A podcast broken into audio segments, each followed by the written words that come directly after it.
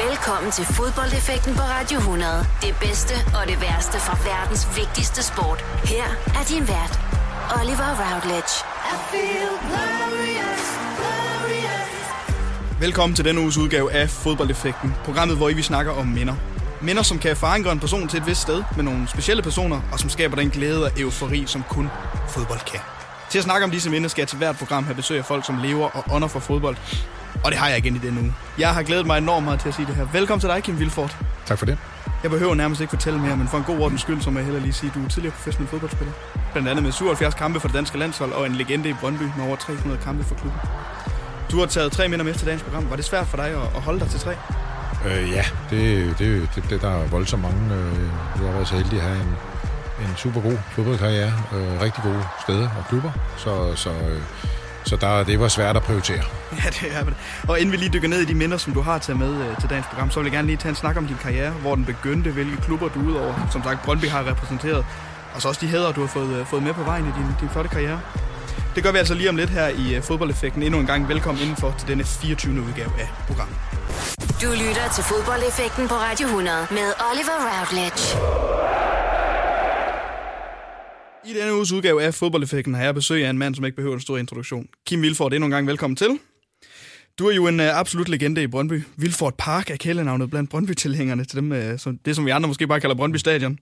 Jeg kan godt tænke os, at vi lige kiggede lidt på, på din tid som fodboldspiller. Simpelthen lige en tur ned af de kampe, du har spillet, de klubber, du har repræsenteret, og, og hvad for en karriere du egentlig har haft. Ja. Du startede din ungdomskarriere med at spille i Skovlunde IF. Ja, jeg startede med at spille fodbold, da jeg var 10-11 år. Ja. Flyttede til Skovlunde, og så, øh, ja, så spillede klassekammeraterne, og så startede jeg på 5. Lilleput, som det hed dengang. Ja. Og øh, jamen, så avancerede jeg stille og roligt øh, øh, i løbet af nogle år, jeg tror en 13-14 år, der kom jeg til at, der spillede jeg så omkring førsteholdet. Øh, og det gjorde jeg selvfølgelig så i ungdomsårene. Spillede som det, der hed yndlingsspiller dengang, spillede jeg i Sjællandsserien på vores første hold, mm. inden jeg tog skridtet til, til, til frem. Og i Skovlunde skal det siges, at vi havde øh, en super god årgang. Der var jo rigtig mange unge mennesker, både Baller på Skovlunde på det tidspunkt. Ja. Og, øh, så vi havde vel i hvert fald til og med øh, junior, som i dag vil kalde U17, der havde vi formentlig et af de bedste hold herhjemme i, i Danmark, det tror jeg. Dengang skiftede spillere jo sjældent før efter øh, øh, 16-17 års alder. Var det altid fodbold for dig, eller stod du også som, som mange unge på et tidspunkt i deres ungdom, når ved en skillevej mellem forskellige sportsgrene, eller var det altid fodbold? Ja, men det har jeg, som jeg nævnte, i klub, det startede jeg først med som 10-11-årig, og, så, og vi trænede to gange om ugen, det meste af tiden, og så spillede jeg håndbold et par gange om ugen øh, i, i et par årene. Øh, har gået en lille smule til atletik øh, og spillet skak. Det hører også under sport, jo, hvis vi skal i den her kategori.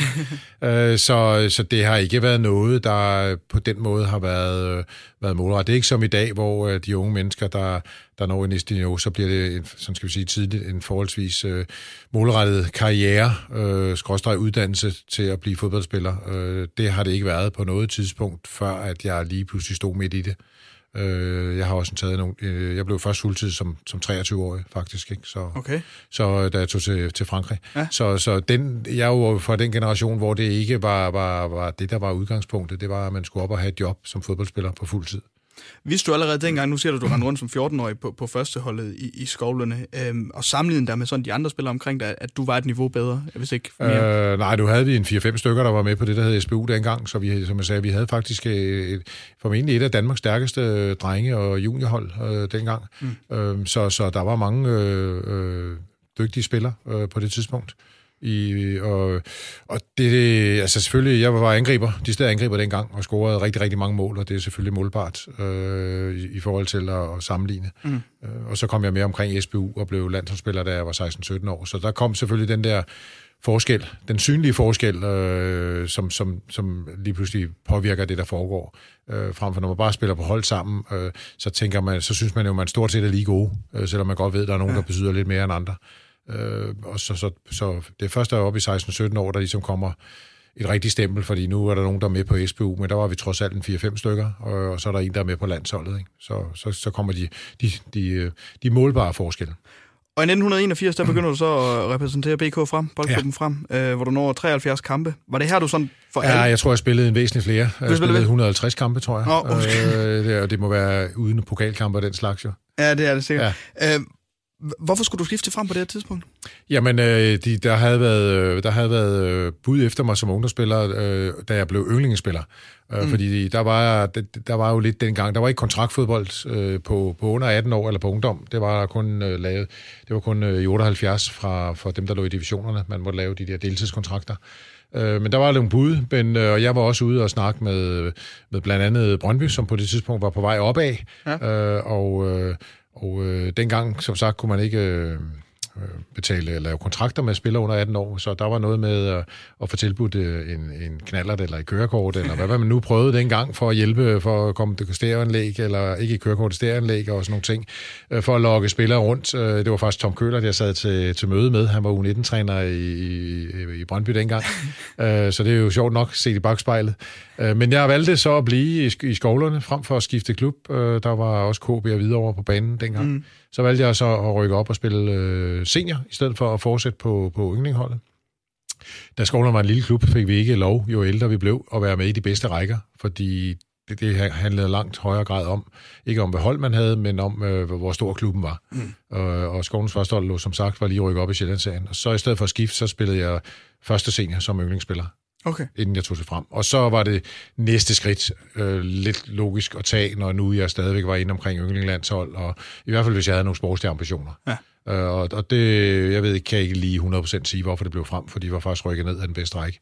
Øh, men jeg fik så min første kontrakt, øh, fordi der var jeg jo blevet 18, og det var jo et godt supplement til at gå i gymnasiet. Så, øh. Og hvad var det for et sted at spille frem i, det, i den her tidsperiode? Jamen det var faktisk, øh, viste sig at være, tror jeg, set i bagspejlet, en rigtig, rigtig god overgang, fordi det var, det var også en, en, en meget, skal vi sige, social klub, det vil sige, øh, komme fra en mindre klub, hvor det stort set kun handlede om det, øh, mm. og komme til en, en traditionsrig klub jo, så, som normalt var vant til at ligge i den bedste række, øh, og har en del, har nogle mesterskaber og pokaler på CV'et der var, det, der var kommet jeg til et sted, hvor der var et klubhus og et, et, et område, hvor, hvor det rigtig var, var rigtig hyggeligt at være også. Så jeg tror, det var en rigtig fin overgang til, til det, der kan sige, hedder rigtig elitefodbold, fordi der var et rigtig, rigtig godt miljø også ude for banen.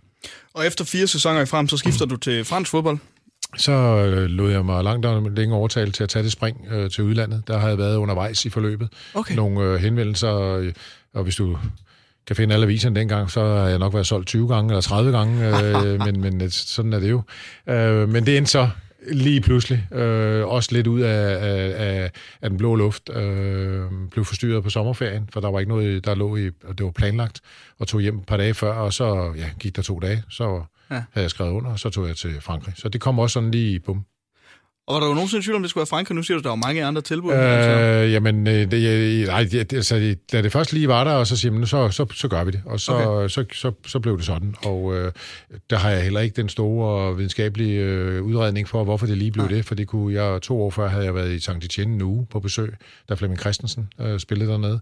Øh, og så har der været andre henvendelser hele vejen igennem, øh, fordi jeg jeg scorede en del mål, og var blandt andet topscorer øh, i andet år i næstbedste række, øh, eller første division, der vi rykker op derfra. Så øh, hvorfor det lige... Øh, jamen, der var bare et eller andet, der lige sagde, at det passer måske meget godt. Ja. Og så, øh, så blev det det. Og hvad var det så for en oplevelse at komme til et land med sådan en, en flot fodboldkultur og, og spille fodbold i, i Frankrig? Jamen altså, det var, det var en øh, god oplevelse. Der, det er klart, at jeg scorede ikke de mål, jeg var købt til. Jeg var købt som angriber og scorede ikke okay. nok mål. Jeg var lidt uheldig med en, med en brække lille tog øh, efter nogle uger dernede, men, men det var også det eneste, der lige skulle forstyrre det. Øh, og spillet øh, var med, og både startede inden og, og sad på bænken, og, og, og, og man scorede ikke nok mål på, på det bedste hold, og, og, og, og dengang måtte der kun spille to udlændinge på holdet af gangen, så der var ikke samme... Øh, altså, hvis der var nogen, der ikke slog til af udlænding, eller i den stil, så hentede man som regel nogle nye, og så okay. kunne man godt blive i klubben. Øh, men det er klart, at når der kun er to på banen ad gangen, så, så er det svært lige pludselig. Så de fleste klubber havde to, måske tre udlændinge i, i trupperne dengang. Var det derfor, det kun til blev til, blev til en enkelt sæson? Ja, men så skulle jeg til at lejes ud, eller skulle nogle andre ting, og jeg havde lavet en klausul. Jeg var i gang med læreruddannelsen og havde taget overlov, og så ja. havde jeg lavet en klausul om, at øh, vi kunne tage hjem efter et eller to år. Det var en treårig aftale egentlig. Øh, hvis det var, at der var et eller andet, der ikke stemte. Og, øh, og det, det var ikke, fordi der var noget uro over det. Og så, så kom Brøndby på banen. Det var nok lige så meget det, der gjorde det. Ellers mm. var jeg formentlig blevet dernede. Øh, men jeg var ikke så interesseret i, at jeg skulle til at skifte til et andet sted igen. Nej. Øh, og så kom Brøndby på banen. De var jo startet fuldtid professionel fodbold øh, 1. januar 86. Det her det er sommeren 86. Og så, øh, og så jamen lige pludselig så skulle de sælge en, og så, ja, så endte jeg med at komme hjem. De købte mig fri øh, dengang, og så valgte vi at, at, at sige, jamen, så går, det, går jeg tilbage og laver, tager læreruddannelsen færdig, samtidig med at jeg spiller i Brøndby. Ja. Så det var mere, fordi jeg kunne godt regne ud, jeg blev tredje mand. De hentede to belgiske landsholdsspillere. Øh, okay. Den ene var angriber, den anden var midtbane. Øh, og så derfor ville jeg jo være tredje jul, indtil andet var bevist i hvert fald. Mm. Øh, det kunne jeg måske godt, for vi var sådan set glade nok for at være dernede. Det var et dejligt sted at være. Øh, så, så mm. det var også en, en, faktisk en ganske hyggelig klub.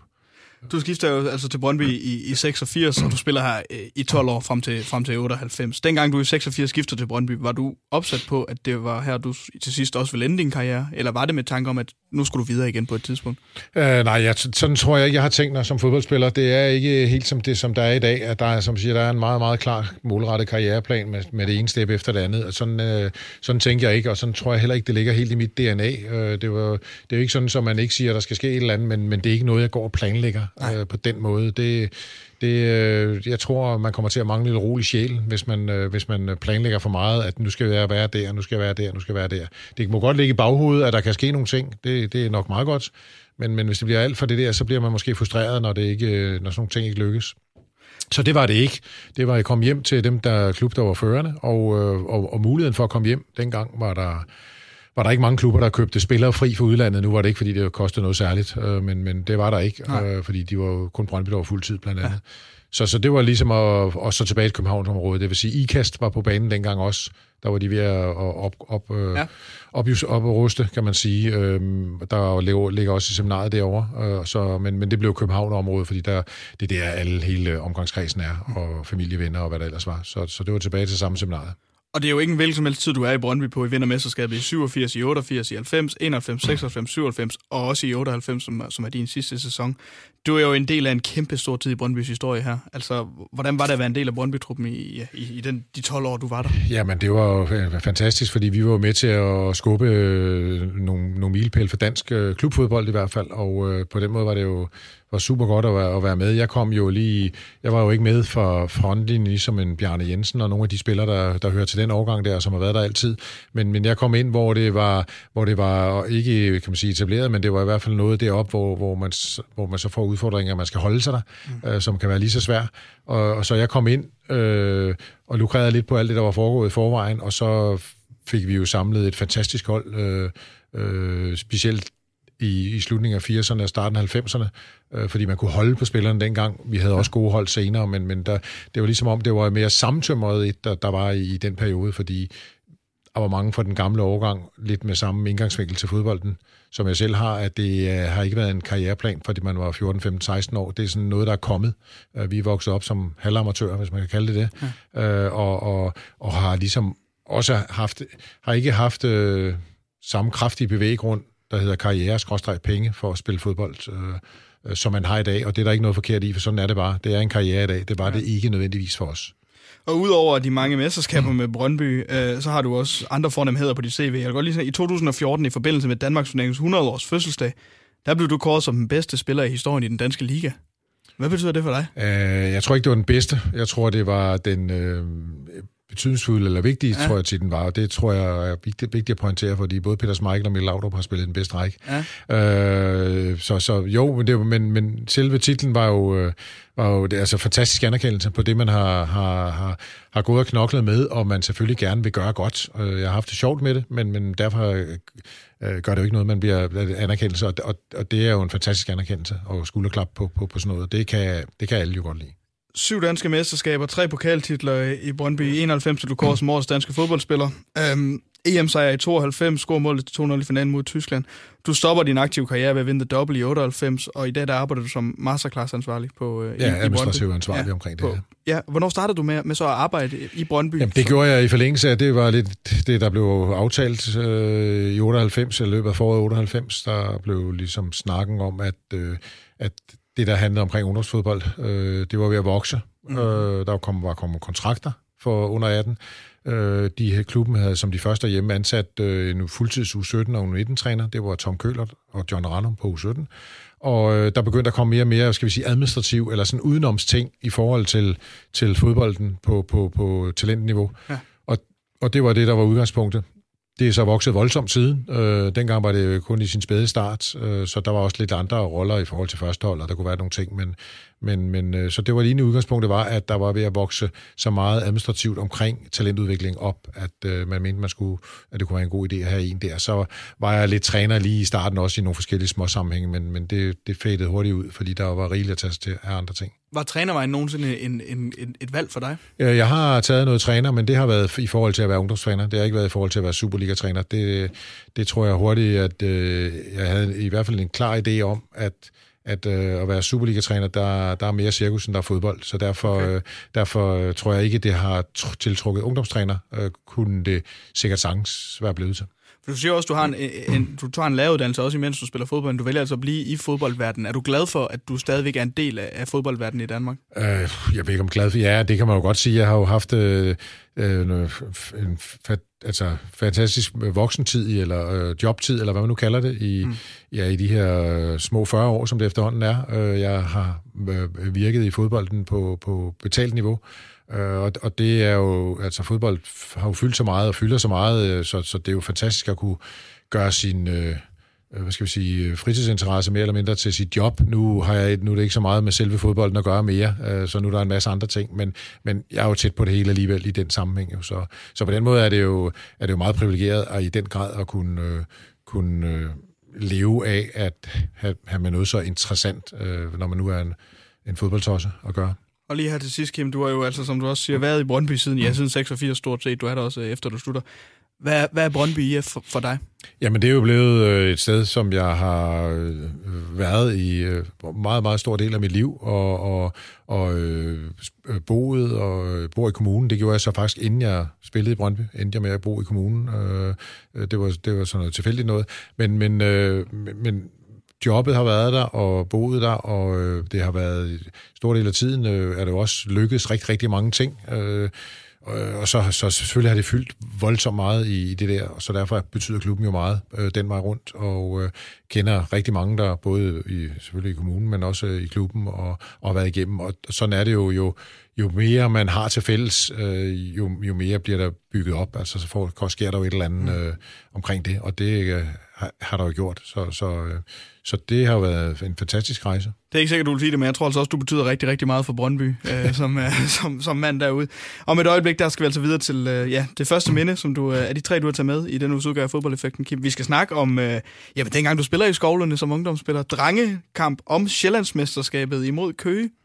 Vi snakker om det lige om et øjeblik her i fodboldeffekten. Fodboldeffekten på Radio 100.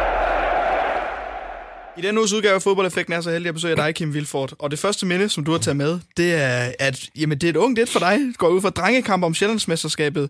Skovlunde IF imod øh, Køge. Den ender 3-2 til Skovlunde, hvor, som du repræsenterer. Hvorfor skal vi snakke om, om den her kamp? Jamen, det, vil, det, hvis jeg er ude nogle steder og skal prøve at komme på, på nogle af de største øjeblik, øh, som, som det bliver kaldt der øh, igennem mit fodboldkarriere, så prøver jeg jo altid at, og, og, og tænke, at øh, hver ting til sin tid. Og øh, dengang jeg var var øh, ungdomsspiller der og scorede tre mål. Vi vandt 3-2, ja. og Køge var jo lige blevet dansk mester med deres øh, førstehold øh, på, på seniorniveau. Så Køge var jo en stor klub dengang, og så står vi der som en lille klub i skolen og, og, og bliver og bliver og, og vinder Sjællandsmesterskabet over alle de store klubber, hvis man kan kalde det så hvor gammel, og, hvor gammel? og kom på forsiden af Ballon Måle og Vis, hvilken ikke var uvæsen i den sammenhæng jo. Nej, hvor gammel og, er du i den her tid? Ja, jeg er vel 13 eller 14, øh, okay. øh, må jeg jo være som, som drengespiller der. Øh, så, så det var bare, det er noget af det, der sådan står klart øh, i forhold til det, jeg har oplevet i skovlerne, som jo var, også var en klub på et helt andet niveau med mange andre mentaliteter, og, og for dem var det også øh, stort at vinde. Øh, og så, så, så et eller andet sted, så, så er det noget, der altid dukker op, når ja. der kommer nogle spørgsmål i forhold til, hvad har været de store oplevelser. Og jeg har jo, som vi snakker om i indledningen, haft, jeg kunne nævne rigtig mange, også flere fra skolerne for den sags skyld. Ikke? Men ja. den der står lige lidt klarere øh, i forhold til, til så mange andre ting. Jeg har også på en der prøvet i skolerne at spille for 1000 mennesker, da vi har spillet øh, pokalfinale som junior mod Ballerup øh, IF, som oh, var jo lokalopgør. lokalopgør ja. ja øh, og vi også vandt i øvrigt øh, efter omkamp. øh, men, men, øh, og som var nummer et i den bedste række på mm. Sjælland. Mm. Der måtte vi ikke ligge. Øh, så, så jeg har masser også for skovlerne af. Øh, så derfor, men, men den der, den står sådan lidt klar end, end, end, end så mange andre ting. Men altså, det her med, med, med skovlerne, det, det lyder som om, jeg har haft, og du siger også selv, en rigtig god årgang derude øh, på, på det her tidspunkt. hvor vigtigt var det for dig det her med at komme til en klub, som havde en, en god overgang, men som også måske plejede jer på en ordentlig måde? Jamen, jeg startede jo på femteholdet, helt tilfældigt, hvor jeg startede jo, så, så, så, så det tror jeg ikke, der, sådan tænker man ikke dengang. Okay. Øh, der var sikkert, der var vældig mange unge mennesker i Ballerup Kommune overhovedet og skolerne, så, så begge klubber havde, havde rigtig, rigtig mange ungdomshold. Øh, så, så, og jo flere spillere du har at tage af, jo større potentiale er der jo også til selvfølgelig at få, få nogle, øh, nogle, nogen, der kan spille ud og spille fodbold. Øh, så det, det var jo ikke noget i den, den måde, man, spil, man spekulerede i, så det voksede bare stille og roligt op. Øh, og, og, og hvis man scorede mange mål, som jeg gjorde på et femte hold, jamen, så kom man nok op på fjerde holdet, og så på tredje holdet, og så og hvis man stadigvæk scorede mål, så røg man op på anden holdet, og sådan, sådan fungerede det jo ja. dengang mere, lidt, lidt mere tilfældigt. Der var ikke nogen scout, der gik rundt og kiggede på alt muligt. så, så det var noget, der voksede ud, og selvfølgelig fordi der var rigtig, rigtig mange unge mennesker i, i skovlerne. Og hvor, hvor stort var det for skovlerne, eller måske også mere for jer selv, at, få, at vinde Sjællandsmesterskabet i den her tid? Jo, men jeg husker det som uh, rigtig, rigtig fint, at jeg har, eller rigtig stort, og uh, jeg har da også en pokal derhjemme, uh, mm. som, som skovlerne IF har betalt til alle spillerne, der var der, og til den årlige afslutning og sådan nogle ting. Så jeg er ikke i tvivl om, at det var da, det var da et stort øjeblik uh, for skovlerne uh, IF der. Og du, du spiller angriber på det her tidspunkt, ikke? Ja, som regel angriber. Og du scorer begge, alle tre mål i, jeg i den her, det. er derfor, at den uh, huskes lidt bedre. Også, det er Hvornår er det i din karriere, du begynder at, at komme lidt, bare lige lidt længere ned på banen? Det er først, da jeg kommer tilbage fra, fra Frankrig, altså sådan rigtigt, øh, okay. hvor, hvor jeg egentlig også kommer lidt hjem som angriber øh, til at afløse Lars Elstrup, som, som Brøndby har solgt på det tidspunkt. Mm. Øh, og så er vi en tre, tre angriber, tror jeg egentlig, vi er. Så øh, løb jeg forholdsvis meget, også som angriber. Så jeg på et tidspunkt tænkte Ebbe, at det kunne være, at jeg skulle ned og bruge lidt flere kræfter længere ned på banen. Ja. Øh, og det kom, det kom sådan snigende, øh, og, og øh, så rykkede han øh, Bjarne Jensen ned på højre bak, øh, som, som jeg ligesom kom lidt ned og overtog den højre midtbane, øh, hvis man kan kalde det det, øh, som han havde spillet i et stykke tid. Øh, og så, øh, jamen så øh, fungerede det rigtig fint, både for Bjarne, øh, som også nåede at spille landskampe øh, som bak, øh, og så for mig, og så formodede jeg stadigvæk at være forholdsvis målfarlig som midtbanespiller. Øh, så, og så, ja, så blev det sådan hen ad vejen. Havde I nogle specielle, nu nævner du, I har en god overgang i, i skolen, var der, var der specielle trænere som, som derude, som gav dig ekstra lyst til at spille fodbold, eller som, som kunne give dig råd til din videre karriere? Altså, altså? øh, nej, jeg tror, tænkte man ikke så meget dengang. Nej. Det var først, jeg, først da jeg måske kom op øh, øh, på U19, og så på, på, på første senior, hvor jeg spillede som U19-spiller, øh, for der, kom, der var ham, der var træner for, for, for vores sjældent i skovlerne. Det var øh, en, der hed Kjeld Cecil, og, som var gammel fra mig, og så, så det kan også være, det var derfor, jeg endte frem, når det kom til stykket. Han har nok været lidt øh, en slags scout, hvis man kan kalde det dengang. Øh, så, så der var ikke den store som jeg planlægning i det, og altså, man spillede jo øh, ja, bare for sjovt, træne to gange mm. om ugen. Øhm, så, så det var om at skabe et godt miljø omkring de drenge, man nu havde. Man havde som regel også kun 12-13 spillere i sådan en trup jo og sådan noget. Ikke? Så, så det her tror jeg mere, at de har været rigtig dygtige til at skabe det gode miljø, både i forhold til klubben og i forhold til de træner, der, der var der. Så, men, men kunne de noget specielt derude? Fordi når I var så mange, som, som der var gode, altså var, var der noget specielt skovlen var god til, eller var det bare fordi, der var mange folk? Altså der var der mange, var og så tror jeg, de har været gode til at skabe det miljø, sådan så, for, så, så man holdt ved. Øh, mm. Uh, man kan sige, på, de, på det tidspunkt slås vi også og slås lidt med BMS. Det var basketklubben, som jo var op og, og blive danske mester i, øh, i øh, ja, det må have været i, omkring 80 også mm. i perioden der, der og den, BMS Baller Måle Skovlund, men de holdt til i, i Lundbjerghallen i Skovlund og øh, hovedsageligt og trænede på Roslund, tror jeg. Øh, så, hvad hedder det, så der var jo noget konkurrence i forhold til den del af det øh, for de unge mennesker, men, men altså, den fyldte selvfølgelig noget, øh, klubben ud, og havde gode faciliteter. Det var nok heller ikke uvæsentligt i forhold til mange andre klubber, så var der også øh, rigtig fine faciliteter dengang. Det må have været en, en, en dejlig tid at, at være ungdomsspiller i, i skovlerne på det her, fordi altså, I, I, men I vinder også andre ting, nævner du. Altså, I spiller også en pokalfinale imod, imod Ballerup. Ja, det gjorde vi, og det var jo også en stor oplevelse, fordi det var lokalopgør, og det vil sige, øh, der var tre store skoler i skovlerne, og der var mange skoler i Ballerup, og, og alle kendte hinanden, fordi man gik jo i klasse med hinanden, mange af spillerne. Øh, så så, så der, derfor var der 800-1000 mennesker til den første kamp i Damkorsparken, øh, kan jeg huske, øh, hvor vi så spillede uafgjort, og så var der en ny kamp, øh, en ny kamp øh, ude på, på øh, Gryden eller Skovlundstadion, eller hvad det nu kaldes i dag. Øh, så, var der, så var der kamp derude, og, hvor vi så vandt om kampen, øh, og, og vi kendte jo hinanden, og jeg, ja. jeg gik blandt andet også i klasse med... Øh, med træneren, Ballops træner, Arne Fynbus, øh, øh, som, havde, som var træner for Ballop, og, og, og vi kendte vi trænede på de samme baner, Ballops skovlerne, mm. øh, klædt om i hver sin halvdel af den bygning, der lå der dengang. Øh, og det der anlæg derude var så delt i to. Ballerup ja. havde de baner, og vi havde de andre baner. Så, så, øh, så på den måde var der jo rigtig kogt op, så, så der var rigtig mange fra skolerne, der var ude at se de kampe også, og derfor kom vi op på det antal. Men det var jo højt til en, en, til Ja, det er en en god julekamp. rivali- Til en julekamp. God rivalisering, ja, ja, jeg har haft kørende der. Og Ballerup, og så var der lidt ekstra, fordi Ballerup øh, havde normalt nok et hold, der var lige lidt bedre end, jeg ved ikke, om de var bedre end os, men de lå i hvert fald den bedste række, og de, de generelt lå de lidt højere, end vi gjorde, så de lå den bedste række på Sjælland, hvor vi kun fik lov at ligge den næstbedste. Så, så det var en stor fornøjelse at slå to-tre af de hold undervejs, der lå i den bedste række øh, for os. Og den her kamp om, om Sjællandsmesterskabet, hvordan er opbygningen op til? Altså, det, I må jo også have spillet øh, nogle kampe op til. Øh, Som drenge der? Ja. ja, der var to rækker, tror jeg, hvis jeg husker rigtigt. En, øh, to rækker på Sjælland, og, og så var der finale mellem ja. de to vinder. Og der har vi så vundet den ene, og, og Køge har sikkert vundet den, der hører til, øh, til øh, sådan en sydlig del med Slagelse og Næstved og hvad der ellers har, har været med det. Og bliver det spillet på neutral grund, sådan en finale imellem? Øh, jeg husker, vi spillede i Køge, men jeg, er faktisk, det, jeg, ja, det, jeg husker det, som om vi spillede i Køge. Der har jeg ikke detaljen med. Så er det jo endnu bedre sejr, hvis det er. altså det første minde, du har taget med, uh, Kim Vilford, drengekamp om Sjællandsmesterskabet. I vinder 3-2 over Køge, og du scorer, ja, alle tre mål som angriber. Så ja. det, uh, det var det første minde her i, i fodboldeffekten. Om et øjeblik, der skal vi videre til uh, ja, EM92. Det kan ikke uh, gøres meget, meget bedre end det. Det snakker vi altså om lige om et øjeblik her i fodboldeffekten. Fodboldeffekten på Radio 100. De største og de værste øjeblikke i fodboldhistorien.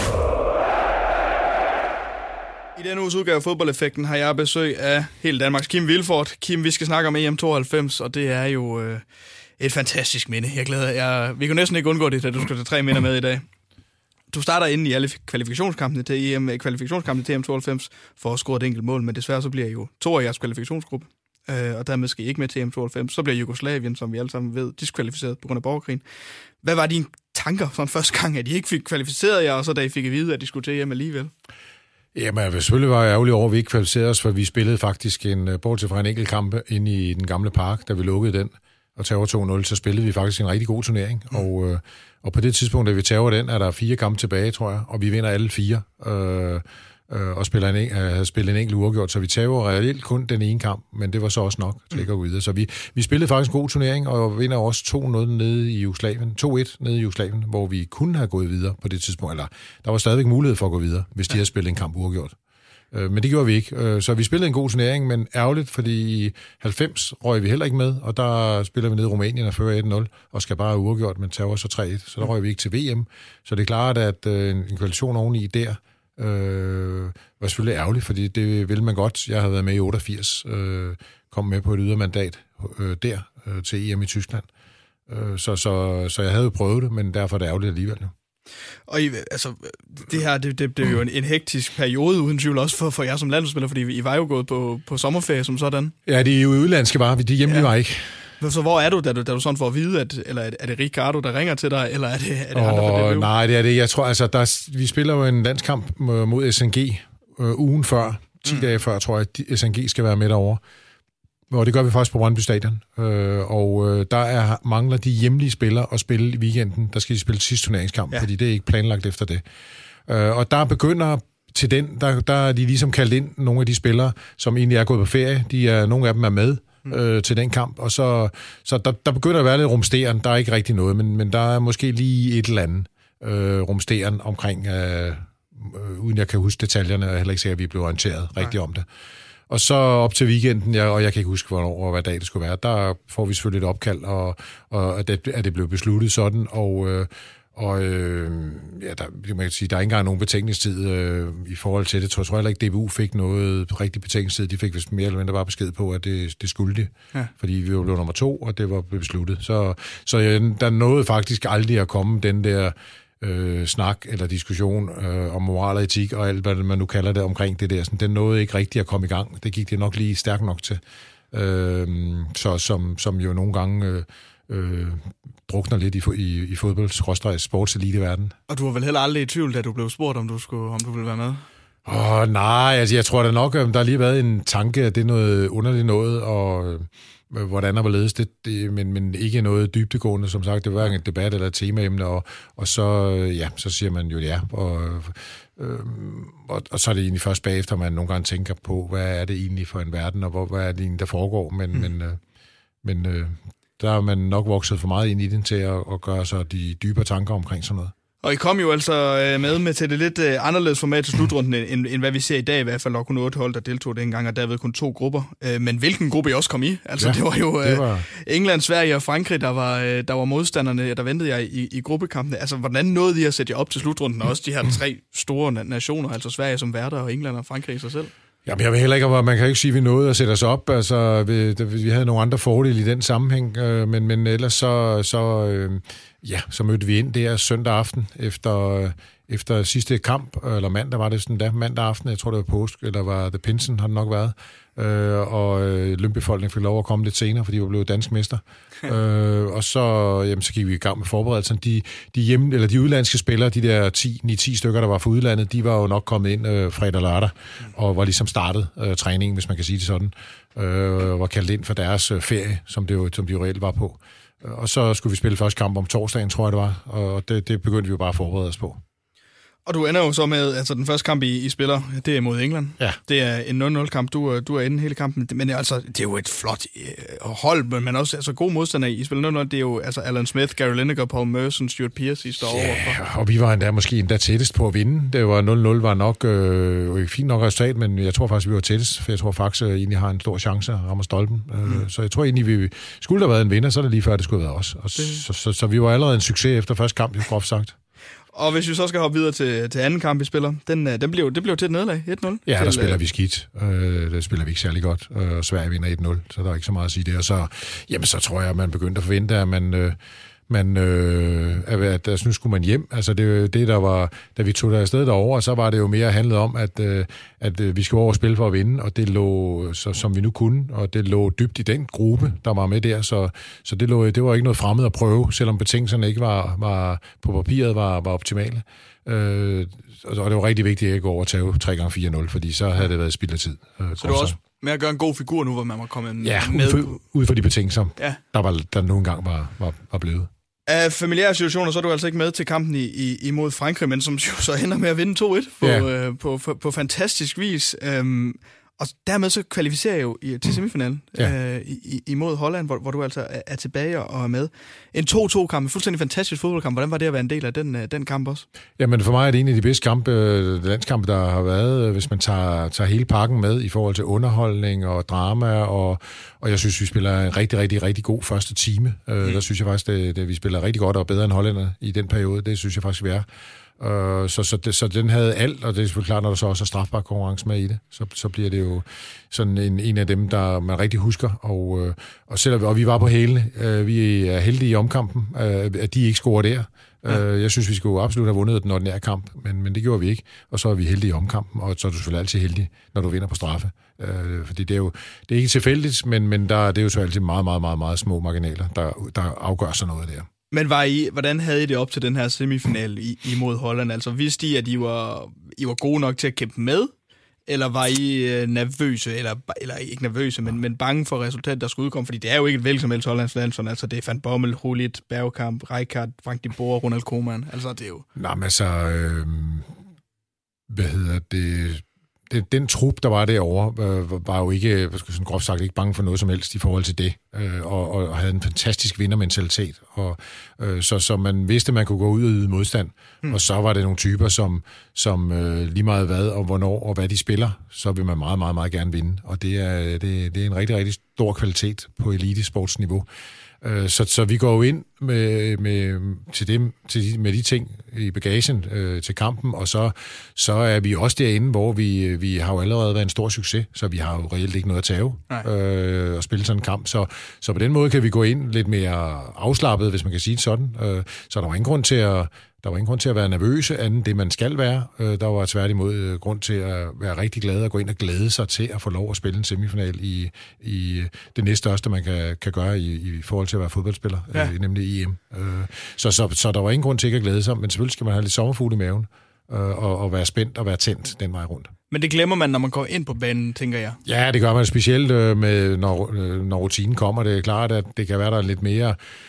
Øh, der er, det er lidt tydeligere at mærke, når man, øh, når man er 19 år, end når man er 27. Øh, selvfølgelig er det det, og så, og så er der så også nogen, der, der er bedre til at, at, øh, at hvad hedder det, distancere sig fra det, der foregår ude omkring fodbolddagen og koncentrere sig om det. Mm. Og dem, der kommer langt som fodboldspillere, de er, en af deres kvaliteter er formentlig også, at de, de er lidt mindre påvirkelige af alt det, der foregår ude, udenoms, ja. øh, fordi så bliver de heller ikke så nervøse.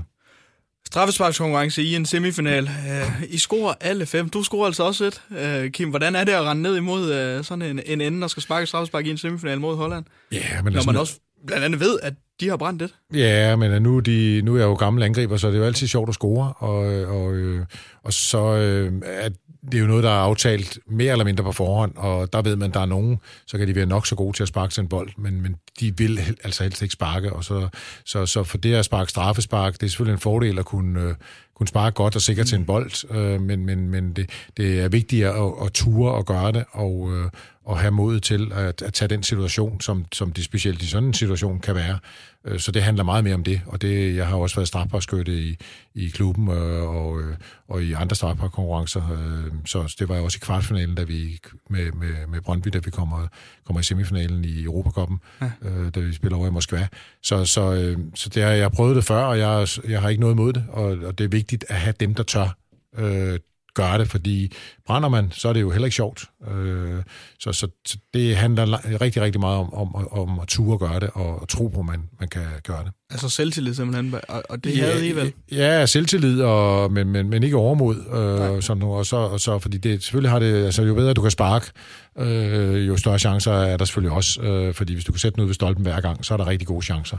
Men, men det vil jeg ikke kunne, og det er der også flere andre, der ikke kan, men de har så et andet, en anden kvalitet i forhold til det, til det for det er jo sådan et, et spil også, øh, som, som han også prøver, fabrikken der, at, at lave en masse ud af øh, mm øh, i flere situationer. Flemmings har man set meget tydeligt, og det prøvede han med alle sammen. Og, og jeg blev bare stående op på, på cirklen, indtil han begyndte at gå ind af, øh, fordi han, der var det, han lagde an til det samme, da, da jeg også skal ned og sparke, og jeg går bare meget, meget langsomt øh, og venter på, at, øh, at øh, han måske begynder at bevæge sig ind af, så jeg ikke kommer i samme konfrontation. Ja. Så sådan et spil er der jo også hele vejen igennem. Jo. Men det sender jo også i signaler om, at du er cool med det. Altså, du, du ja, ja. lader ham gøre dit, men ja. du, du er i, i, i fokus, ikke? Jo, og jeg havde set, hvad der skete i forhold til Flemming, og det gad jeg ikke at lige at stå Flemming. Det passer måske Flemming godt at stå og bokse lidt. Mm.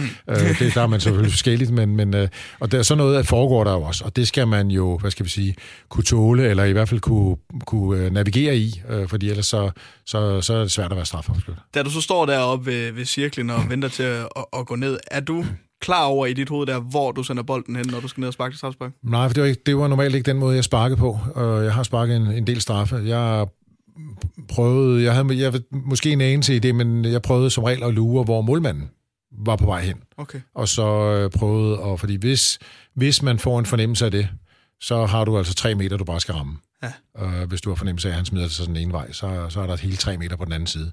Så behøver den ikke sidde ude i stolpen nemlig. Så, så jeg prøvede at og, og fornemme, hvor målmanden gik hen. Og der er jo så nogen, der bruger, øh, altså der, der er et engelsk udtryk, der hedder power or placement, når det, ja. er, det kommer til straffespark. Men er det noget, du har tænkt over, eller har det altid bare været, at du kigger på målmanden? Og så det har jeg prøvet, og nu i den situation går han så den rigtige vej, øh, godt nok, og så sad den heldigvis yderligt nok. Ja. Men, men det, for mig er det måske også noget med, at så går han, han nok gået sent, mm. så jeg har, uden jeg har, så har jeg måske besluttet, øh, før jeg egentlig har fornemmet, hvor han er gået hen. Ikke? I ender jo, ja, som vi alle sammen ved, med at, at vinde den strafsparkskonkurrence 5-4 og, og en plads i finalen øhm, imod, imod tyskerne. Øhm, men hvis vi lige inden vi snakker om finalen, så bliver vi nødt til lige at vinde. Altså, der var jo en del medieomtale om de famøse ture under EM92. Ja. Altså, hvis vi skal snakke tur på McDonald's og minigolf, hvordan oplevede du hele det her? Ja, hvis man skal bruge det ord, der heldigvis ikke fandtes dengang teambuilding, som det jo nok var. Øh. Ja, det kan du kalde, men vores oplevelse var jo, altså igen, halvdelen af den trup, eller to tredjedel af den trup, var jo var jo mere eller mindre min årgang, plus minus. Og det vil sige, at vi er vokset op anderledes. Vi er vokset op som igen, er det amatøragtige spillere, fået kontrakt på deltid til at starte med, og, og øh, sådan nogle ting der. Så vi, vi, den måde, vi er vokset ind i professionel fodbold på, er en anden end i forhold til i dag, fordi der skal man virkelig gøre alt rigtigt hele vejen igennem, fordi der skal helst ikke være nogen usikkerhed om, at man får gjort det rigtige. Nej. Øh, det, det har vi jo ikke gjort som 16, 17, 18, 19, 20 år, 21 år. Så, så for os var det jo nødvendigvis ikke så mærkeligt, som det ville have været for en tysker, øh, som, som jo havde været vokset op i et, i et andet miljø som ungdomsspiller, fordi de allerede havde professionel fodbold dengang. Så for os var det jo, var det jo, var det jo sikkert givet på den mentale del at, at gøre den slags, altså det set i bagspejlet. Og, og det har Rikard Møller jo godt vidst, øh, at, at det, kunne, det kan man gøre. Det, at man kan ikke vel kunne gøre det på samme måde i dag, fordi sådan er spillerne ikke skruet sammen. Så jeg tror ikke, det vil virke på samme måde i dag, som, som det gjorde dengang. Nej. Så, så, men, men det har passet fint. Det var jo sådan, at Richard Møller jo kendte truppen rigtig, rigtig godt. Jeg plejer at sige, en af de store fordele, ved, eller en af de store styrker ved det der VM, eller EM, vi, og hvorfor vi kom så langt, det var jo, at 11 af de 20 spillere, de har spillet Brøndby. På, på, ikke på samme tid alle sammen, men på et eller andet tidspunkt inden for en, en mindre overrække. Ja. Så, så man kendte hinanden godt derfra. Ja. Øh, rigtig mange af dem havde spillet på et U21-landshold, som kom til semifinalen, tror jeg. Mm. Der var Richard Møller træner. Okay. Så er det OL-hold, som vi spillede med i 88, som kvalificerede sig til Seoul, men tabte på grund af en Per Frimand-sag. Mm. Øh, det var en mange, der en lang stykke hen ad vejen, de samme tyskere, vi mødte i finalen der. Tyskerne vandt puljen, øh, fordi vi blev frataget to point. Der var mange spillere for den trup, og Richard Møller var træner. Ja. Så simpelthen fordi, at I, I kendte hinanden, mange af jer? Og kendte hinanden rigtig, rigtig godt, og ja. vi har rejst, og vi har gået i bad sammen, og vi har spist morgenmad og frokost og aftensmad og alt muligt sammen i rigtig mange sammenhænge. Det vil sige, der, der, der kommer en eller anden kendskab til hinanden og en styrke, mm. øh, som, som er stærk, og, og som var med til at bære det igennem øh, i forhold til, til det også. Og Richard kendte jo spillerne, og vidste, det kan jeg godt gøre med den gruppe. Øh, det, det, det kan have en positiv øh, indvirkning. Så, så, så, så de ting, der kommer med der, er den slags, som man ikke vil gøre på samme måde i dag i hvert fald. Man vil nok lave nogle ting, der skulle øh, ramme det samme, men det vil være på en anden måde. Så rammer vi altså en dag, der hedder den 26. juni 1992. Øh, 2-0 over Tyskland simpelthen i finalen. Hvordan sætter man sig op til øh, en finale i EM? Jamen, det var, det var ikke så svært, tror jeg, og heller ikke for Richard øh, at sige, øh, jamen, gå ind og nyde det. I er kommet så langt. En kæmpe succes. Øh, klart, har vi tabt 8-0 i en finale, øh, så kan det godt være, at folk der man ind og sige, okay. Men, men, det, men det var ikke svært at sætte op, og igen, vi var en trup af vindertyper. Ja. Så det er ikke nogen, man løber over lige meget, om, om truppen er træt, eller, eller der er en, der har ondt i ryggen, eller et eller andet. Så den bliver, der skal meget til at løbe sådan en gruppe over inden, øh, som, som vi havde der. Øh, så det var ikke svært at sætte op, ind og nyde det. Øh, Brian Laudrup, du får en helt fri rolle, så kan han vise de kvaliteter, han øh, nu besidder i forhold til den del af det. Og så, så, så, så fordi han er jo selvfølgelig den, de vil have klart sværest ved at, at, at have fat i, i, i forhold til selve spillet. Og så vælger Peter selvfølgelig at stå en af sine bedste kampe nogensinde også lige i, i en finale. Øh, det, er jo, det er jo heller ikke så tosset. Og det fortæller måske også, når vi nu snakker om, at det er den der vindermentalitet, at der får han virkelig bragt han er 130 procent klar. Ja, han er jo en, en vinder af Guds nåde, Peter Schmeichel, og ja. hvilken kamp han, han, ja. han står der. Så det gør han jo også, og, så, og, og det, det er jo hele det, der bliver bygget op. Selvom vi egentlig kunne have tabt 2-1 og været en stor succes, så formår vi alligevel, og øh, øh, det er først her for nyligt, jeg egentlig har set øh, kampen sådan mere eller mindre øh, øh, fra start til slut. Ja. Og øh, jeg kan jo se på statistik, at vi jo fuldt med om det er så afslutning og mål, jeg tror, vi har flere hjørnespark og alle de der ting. Øh, så så, så det, de var måske en lille smule bedre. De har lidt større chancer, øh, end vi har også nogle ting undervejs i kampen.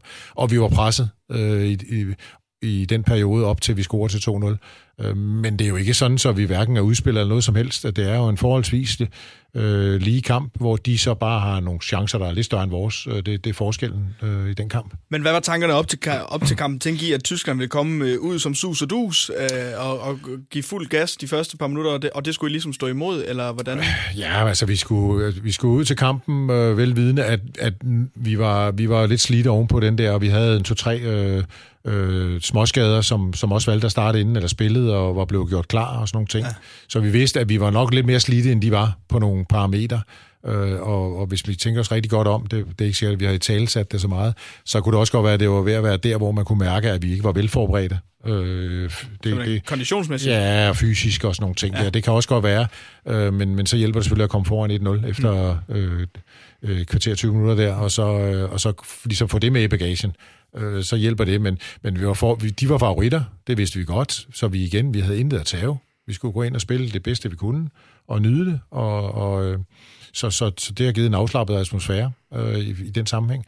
Og så, øh, hvis ikke man på baggrund af, af det, vi havde leveret undervejs, også tænkte, at det kunne godt være, at vi kunne klare den alligevel. Ja. Og nu snakker du meget om, at vi kommer foran 1-0 og, og faktisk score, men der er jo også en målscore til 2-0, der hedder Kim Vilfort. Hvordan er det der, altså i det midt i 70. minut og, og, og score 2-0 til en, i en EM-finale, og dermed sådan Måske ikke, ikke afslutte kampen, men i hvert fald sætte den lidt i ro igen, når man har en to-målsføring. Det siger, det er den farligste føring, men altså... Ja, jeg vil hellere føre 2-0 end 1-0 stadigvæk. Jeg ved godt, der er mange, der siger det. Men, øh, men øh, jamen, det, der sker, det er jo, at, at kommer vi på 2-0, så, så, så er det klart, så, så kan det lige pludselig være svært at komme tilbage for tyskerne. De skulle bare udligne til 1-1. Så tror jeg ikke, vi har fået den samme kræfter frem, som vi ja. måske gjorde i semifinalen mod hollænderne i en omkamp. Øh, så, så derfor der er jo klart, der, der er det, ligger det jo helt på vippen øh, stadigvæk. Så 2-0 gør jo, at, at vi får lidt ekstra kræfter, og så går der egentlig kun 2-3 minutter, så kan vi godt se, så begynder den at sige ud af tyskerne. Øh, fordi så, øh, så begynder der at blive kortere og kort. De skal ikke bare score én gang, de skal score to gange. Og, og vi måtte lægge bolden tilbage til målmanden, så han måtte samle den op i hænderne, så det var, det var, øh, det, det var også et, et godt middel til at trække tiden på ja, det tidspunkt, ja, når der var brug for det. Øh, så, så, så der gik lige en 2-3-4 minutter, så sev, sev gassen lidt ud af dem, øh, virkede det til. Så, men selve målet, der får man nok den fornemmelse, nå, nu er den tæt på at være hjemme. Det, ved 1-0 er der ikke nogen, der siger, at den er hjemme. Nej. Det, det er der ikke. Der skal du helt, helt, helt i overtiden nærmest for, for at tro på det. Fordi uafgjort havde jo givet omkamp. Øh. Og du kan jo sikkert ikke, det er ikke sikkert, du husker, hvad der går igennem tankerne på dig, men, men det der med at løbe ned imod øh, det, det tyske mål, og ligesom banke den ind langs stolpen der, som, som du gør til, ja. til 2-0. Hvad er det for en fornemmelse at se den, den bold gå i mål, og, og du ved, at du har scoret i en EM-final for Danmark? Altså. Ja, det kan man, man kan jo se det på billederne bagefter, øh, at, at hvad, hvad, hvad, hvad det egentlig der går gennem. Jeg kan ikke huske detaljerne i det. Øh, nu, som sagt, jeg er gammel angriber, så jeg har nok noget per institution i forhold til sådan nogle situationer der. Øh, så, som, som jeg sikkert har været i, øh, specielt ungdomsspillere rigtig, rigtig mange gange, øh, noget der ligner. Øh, så, så jeg gør jo nok bare det, som jeg har tillært mig undervejs i fodboldkarrieren, og så skal der selvfølgelig altid lidt held til, når det også var venstrebenet, at den lige sniger sig ind stolpen, og så, så ind. Det, det er klart, der er de der marginaler, øh, der, der skal med, og så, øh, jamen, så hele jubelscenen og alt det der fortæller jo hvad, hvad der egentlig er ved at ske. Nu, nu, nu, nu tror man sgu rigtig på det, ikke? Det, det er der ingen tvivl om. Og så var det jo sådan en finale og godt vejr, og der, alt, alt stemte jo på en eller anden måde. Og det gav jo altså med til at vinde det første og eneste sådan trofæ i dansk landsholds historie. Det var en kæmpe stort øh, dansk fodbold. Altså, men hvor stort var det for jer, og hvor meget vidste I sådan omkring, hvad der foregik herhjemme øh, i den her tid også? Jamen, øh, vi, det registrerede man ikke meget, fordi det, det var jo en anden medieverden, vi havde dengang, så, der, så det eneste, jeg sådan lige kan huske, det er jo nogle utydelige fax, der kom op måske fra efter semifinalen, men, men, men øh, og vi har sikkert ikke kunne se dansk tv på, fjern, på hvis der var fjernsyn på værelserne overhovedet. Det var ikke engang altid, der var det dengang. Øh, så, så vi havde ikke så meget fornemmelse af, hvad der egentlig var sket efter semifinalen, og det, var, det, det havde vi ikke øh, på den måde. Men selvfølgelig vidste vi godt, der var sket nogle ting, eller der var gang i den og sådan noget. Ikke? Det, det, det vidste vi selvfølgelig godt. Og så bare det, øh, altså, når man... Det, det største, du kan blive, det er verdensmester, og så næststørste europamester, når, når du kommer fra Europa i hvert fald. Så, øh, så, så derfor var det jo en, fantastisk at kunne, kunne vinde sådan noget, og være med til at vinde sådan noget. Det er der ingen tvivl om. Det er en rigtig, det er jo sådan også igen et synligt bevis på, at man har leveret noget, øh, øh, der, der er godt. Så, så det er jo altid nemmere at forholde sig til, når du ligesom har et, et sådan klart bevis. Ja, og det er i hvert fald et meget, meget klart bevis. Øhm, EM92 var jo altså med, med Richard Møller Nielsen på, på, på trænerbænken. Du siger, at han også hjalp til, til, til OL i, i Seoul. Øhm, Richard Møller Nielsen som træner. Hvis vi skal, altså, der var jo lidt på styr med, ja, hvis vi, hvis vi tager laudrup for eksempel, der ikke var vild med den måde, han spillede fodbold på. Du har spillet mange kampe for hvordan landshold med, med mm. Richard Møller Nielsen. Var han en god mand for dig og din karriere? Øh, ja, det var han jo øh, et stykke hen ad vejen. Jeg blev hævet ind, da Sepp var der øh, i 88, øh, kom lidt ind for, for, for sidelinjen der i forhold til det EM. Øh, har egentlig været med for, for 87 af, og så kom Richard Møller der i 91, eller hvornår det var, mm. øh, som træner.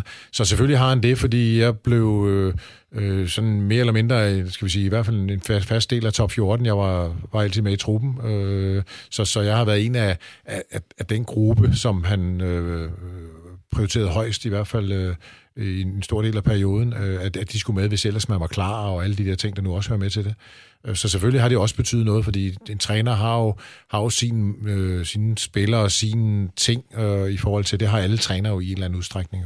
Så selvfølgelig har han betydet, betydet øh, en del øh, ved, at han har, han har prioriteret, at jeg skulle være en fast del af truppen i hvert fald, som ja. minimum. Ikke? Følte du, en del af sådan en, en stamme, hvis man kan sige sådan, en Richard Møller Nielsen stamme på landsholdet? Ja, det var ja, det en, en stor periode har jo været, så hvis jeg ellers har været klar og leveret det, jeg skulle i, i dagligdagen og de der ting, så, ja. så, øh, så det begyndte først at, at, at blive lidt mere blandet op til EM i, i Sverige, da vi kvalificerede os der, og der både fordi der var noget med alderen og noget med noget skader og sådan nogle ting. Så, så selvom jeg godt nok var topscorer i, i kvalifikationen til, til, til England, øh, øh, så, så var, kom der lidt mere usikkerhed, for der kommer nye unge spillere ind. Og så, mm. det er jo sådan, den verden fungerer. Det var det samme, da jeg mæste mig ind øh, hos Sepp, og der skubbede jeg jo også... Øh, øh, nogle spillere ud, som havde været etableret, og som øh, ikke selv var stoppet frivilligt, skal man sige. Ikke? Så, og sådan fungerer elite fodboldverden jo. Ja. I kommer jo øh, altså hjem og får lov til at fejre det her, øh, hvad der er på Rådhuspladsen i, i, i København. Hvad var det for en oplevelse at, der at, at stå der og kigge ud over den menneskemængde, der jo ligesom øh, stormede derind for at fejre jer? Jamen, det var jo i bund og grund den største oplevelse af alle i forhold til omkring det der IM jo. Øh, øh, fordi øh, det her er jo noget, der rækker langt ud over bare det at spille fodbold. Det andet, det var jo trods alt bare en fodboldkamp, og vi har vundet nogle.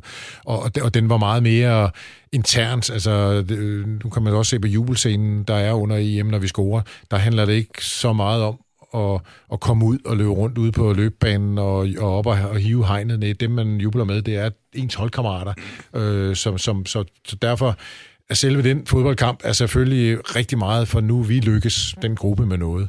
Øh, og så kommer det andet med, men vi oplevede jo, da vi kom hjem, hvad det, hvad det egentlig betød, øh, og, og, og, og, og hvad fodbold også kan gøre, øh, give den der, den der fællesskabsfølelse, som mm. det jo reelt endte med, selv for, for mennesker, som, som ikke var synderligt interesseret i fodbold. Og jeg ved godt, der var et nej til EU, og der var nogle andre ting, der lige også stemte i hele det der spil.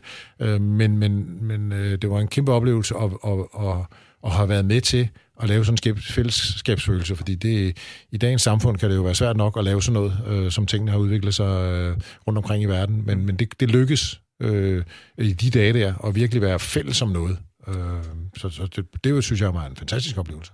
Kim, du misser jo øh, den ene kamp øh, til EM92 på grund af familiære årsager. Har du lyst til at kommentere på, hvad der egentlig var? Øh, der... Jamen, der var et tilbagefald i forhold til sygdomsforløbet. Det var noget, der har været undervejs i et år. Øh, eller ikke undervejs, men været et forløb. Øh, som, som, så, og så kom der et tilbagefald, som, så jeg skulle hjem og deltage i nogle, øh, nogle øh, hvad, hvad kan man kalde det, vurderinger, eller nogle, øh, hvordan vi nu skulle forholde os til, til det videre forløb. Øh, øh, så, så, og, og på det tidspunkt havde havde der måske heller ikke været en forventning om, at vi var gået videre, øh, kan man sige, et eller andet sted. Øh, men det gjorde vi så lige pludselig med, ved at slå Frankrig, og så, jamen, så, så blev det sådan, at jeg snakkede med Rikard, og, og så besluttede vi at tage tilbage igen. Øh, okay. Og var der de dage også, øh, fordi det var sådan, vi har kørt hele tiden. Vi boede jo, altså sådan har vi kørt i et år, øh, i forhold til deres, øh, at, øh, at øh, at der var sygdom, der skulle behandles, øh, datter, og så spillede jeg jo fodbold alligevel, så, eller ikke alligevel.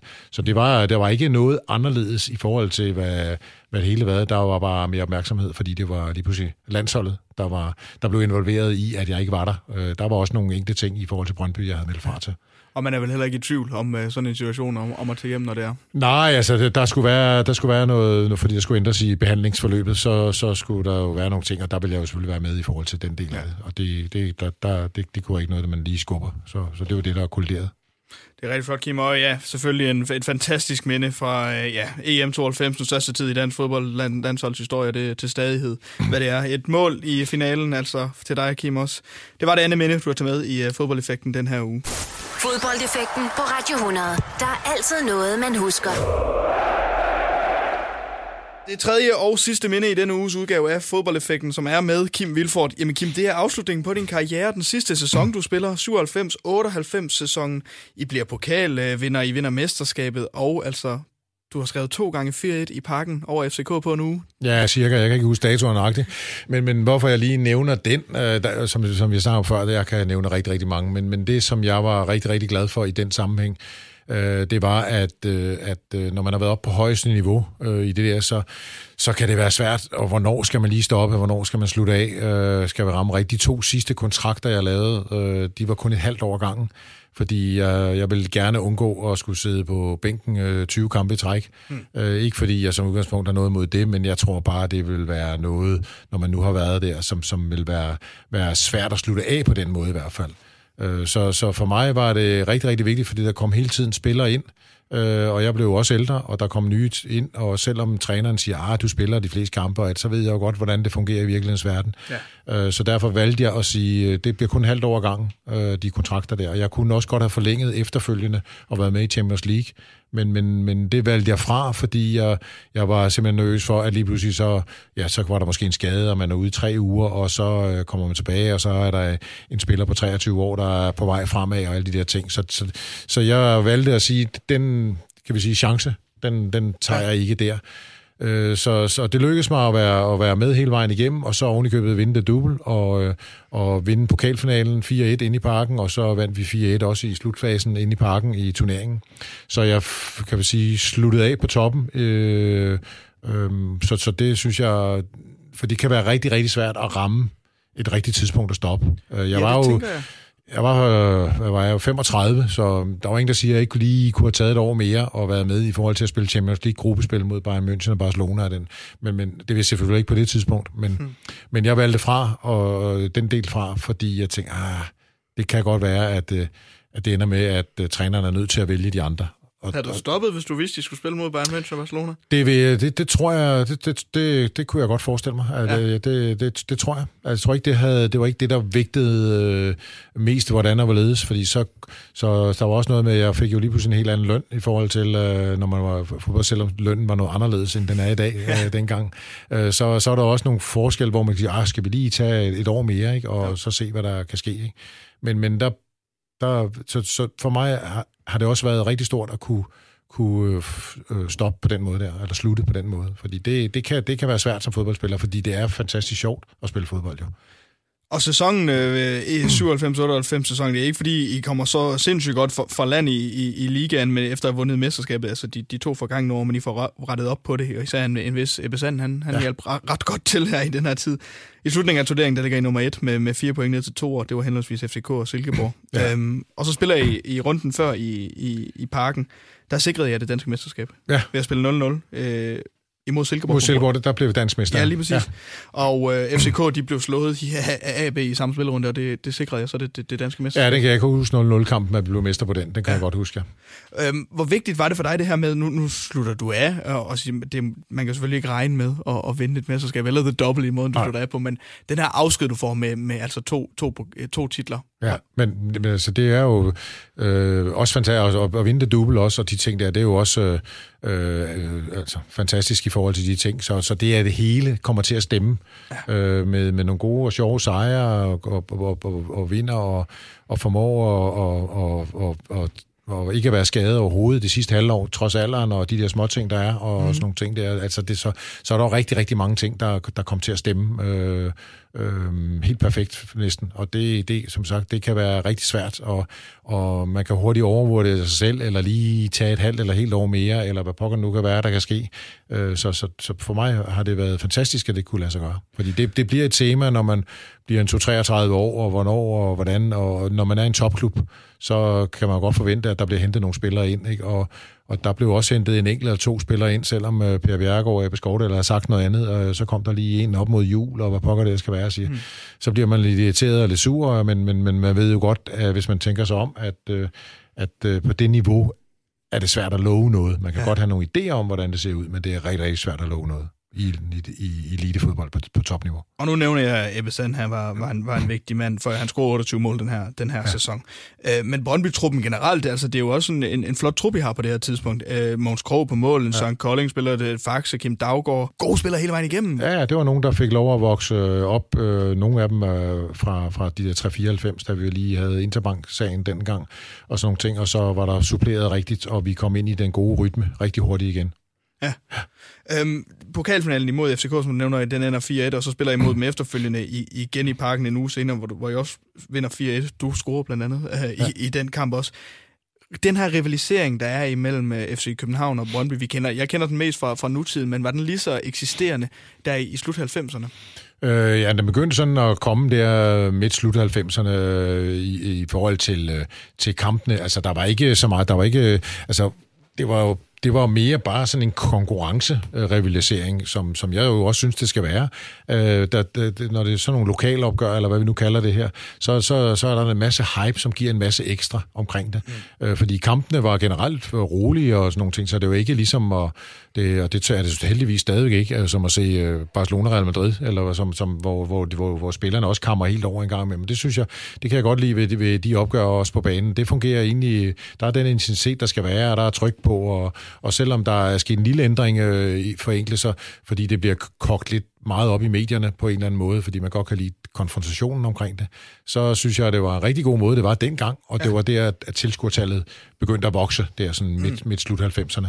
Øh, så, men, men ude for banen var der heldigvis øh, ikke noget øh, dengang, øh, fordi der var det, var det ikke ligesom blev moderne, eller hvad pokker man nu skal kalde Nej. den der mærkelige mentalitet, der er ude for banen, øh, øh, når, det, når det er sådan noget, der, der... Fordi det er fint, at man rivaliserer, det er fint, man, øh, man driller hinanden og alle de der ting, det skal der til. Øh, men, men så skal man heller ikke gøre, fordi for mig er det er tre point, det er fuldstændig ligegyldigt, øh, hvem vi får dem ud. Bare vi har flest point i sidste ende slutter altså af med en, en kamp på Odense Stadion, bliver den, øh, den sidste kamp, du spiller. Hvis jeg lige skal sige op for Brøndbys egen hjemmeside, så siger den, ikke blot var Kim Vilfort en af kampens helt dominerende spiller, men med et fantastisk flyvende hovedstødsmål sikrede han Brøndby IF sejren på, på 1-0. Ja. Og score i sin sidste kamp for den klub, som man har repræsenteret i 12 år, det er jo noget, man kun tør at drømme om, men du gør det jo rent faktisk. Ja, ja men det var også selvfølgelig, og det hører jeg lidt med til den historie om at slutte rigtig, rigtig godt jo, ja. selvfølgelig øh, og score øh, på Lars Ø øh, på Odense Stadion. øh, og, og vi vinder 1-0 oven i købet. Så, så der var rigtig, rigtig mange ting, der kom til at stemme. Uh, hvorfor var dig og Brøndby så godt et match? Du spiller der altså i 12 år. Jeg elsker, når altså, en spiller dedikerer sin klub til, mm. sin karriere i hvert fald ja. til, til, til en enkelt klub. Nu kan sige, du har også været i Lille og, og, og, og i frem, men, men største del af din karriere har altså været i, i Brøndby. Hvorfor var det så godt et match for dig at, at spille i Brøndby? Jamen altså, jeg tror aldrig... Øh, øh, jeg har ikke haft så travlt med at, at, at komme videre, medmindre det kom sådan naturligt, så jeg har ikke søgt at komme videre, hvis man kan sige det sådan. Øh, jeg skiftede også lidt sent for skovlerne i forhold til at skifte til en større klub. Mm. Jeg skiftede sent for frem i forhold til at skifte til udlandet, i forhold til, hvad der kunne være sket. Øh, og, og nu skiftede jeg ikke for Brøndby, men jeg, jeg blev der, fordi det fungerede godt, øh, fordi jeg, jeg kunne nu være kommet til udlandet igen, men, men, men, øh, og kunne selvfølgelig nok også tjene lidt flere penge, men jeg kunne ikke være kommet til Liverpool eller Barcelona eller noget i den stil, hvor det har været helt op. Øh, så det var ikke aktuelt. Øh, og så spillede jeg på et hold, hvor, hvor, øh, og det er jo noget, jeg i hvert fald, og jeg tror, min overgang prioriterer højt, spiller på et hold, der spiller mere om at vinde. Ja. Øh, det vil sige, at jeg var med til at spille om at vinde medaljer, og hver år, jeg, bortset fra et enkelt år, har jeg jo vundet medalje hver eneste år. Mm. Øh, jeg var fast landsholdsspiller. Hvis jeg var skiftet til udlandet og råd på bænken et eller andet sted, fordi konkurrencen er større der, så mister du måske også landsholdspladsen. Og, altså, så, så, øh, så der er nogle af de prioriteter, eller ikke fordi det har været så konkret, men der er nogle af de der ting, som jeg synes der er nogen, der overvejer lidt for lidt i dag, når de skifter rundt fra det ja. ene til det andet, fordi det handler langt mere om den der karriereplan om, at det skal kun gå sådan og sådan og sådan på prestige, øh, og på, måske også på lønnen, øh, på de to ting der. Øh, og det fylder mig, og, og det er måske meget naturligt. Jeg havde sikkert gjort noget, der ligner, hvis jeg var vokset op i dag, men nu, var jeg, nu er jeg vokset op på et andet tidspunkt. Og, øh, så derfor har jeg, tror jeg også, jeg har haft en, en, en anden måde at prioritere tingene på. Men først og fremmest så var jeg jo med, hvor jeg spillede om at vinde hver år. En fantastisk karriere, og altså et dejligt sidste minde ved en, øh, en fantastisk afslutning på den her fantastiske karriere. Også det sidste minde, du med. Afslutning i 97-98 sæson pokalvinder og mesterskabsvinder, og to gange fire i parken på en uge til ligesom at afgøre prikken over i. Tusind tak for det sidste minde, Kim ja. Vilfort. Du lytter til fodboldeffekten på Radio 100 med Oliver Routledge. Med de tre minder, som du har taget med i denne uges udgave af fodboldeffekten, Kim Vilfort, så er vi altså nået til vejs ende. Drengekamp om Sjællandsmesterskabet, Skovlunde Køge var det første minde, selvfølgelig EM92, og så afslutningen på din karriere i 97-98 sæson. Tusind, tusind tak, fordi du har lyst til at, ja. at deltage i programmet. Det var en fornøjelse at, at have dig med. Velbekomme. Tak. Og fornøjelse. Fodboldeffekten på Radio 100.